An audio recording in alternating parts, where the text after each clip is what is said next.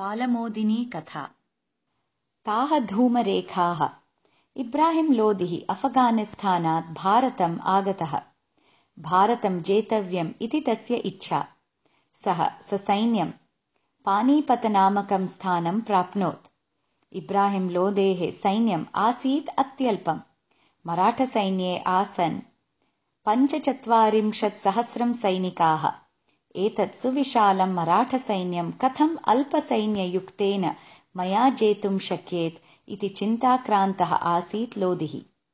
आसीत् सायङ्कालः दूरस्थम् एकम् उच्चं स्थानम् आरुह्य शत्रुसेनायाः निरीक्षणम् अकरोत् लोदिः। शत्रूणां जयाय कः मार्गः आश्रयणीयः इति चिन्ता तं बाधते स्म। समतलप्रदेशे आसीत् मराठसैन्यशिबिरम् किञ्चित्कालं तत् विशालं सैन्यं द्रष्टं तेन विलक्षणः कश्चन अंशः तेन लक्षितः।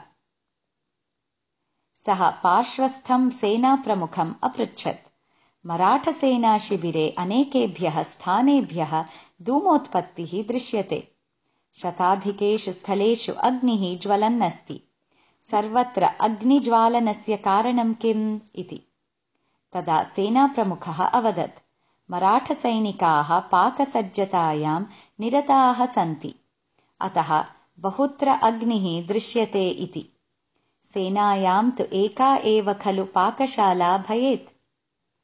बहुत्र किमर्थं पाकः? लोदिः अपृच्छत्। तत्र सन्ति विभिन्नजातीयाः। एकैकजातीयाः एकैकत्र पाकं कुर्वन्ति। सेनाप्रमुखः अवदत्। किं ते सर्वे हिन्दवः न तदा सेनाप्रमुखः अवदत् ते सर्वे हिन्दवः एव। किन्तु हिन्दुषु जात्युपजातिभेदाः बहवः। एकजातीयाः अन्यजातीयान् अवरान् मन्यन्ते। अन्यजातीयैः कृतः पाकः न सेव्यते।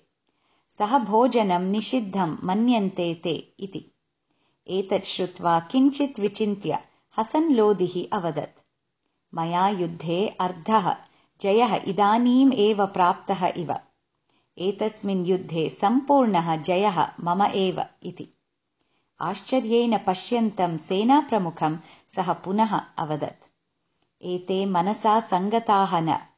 ये मनसा विभक्ताः तेषां पराजयः निश्चितः इति।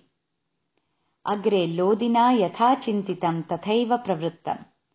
एकस्य अभावतः महती अपि मराठसेना पराजयं प्राप्नोत्।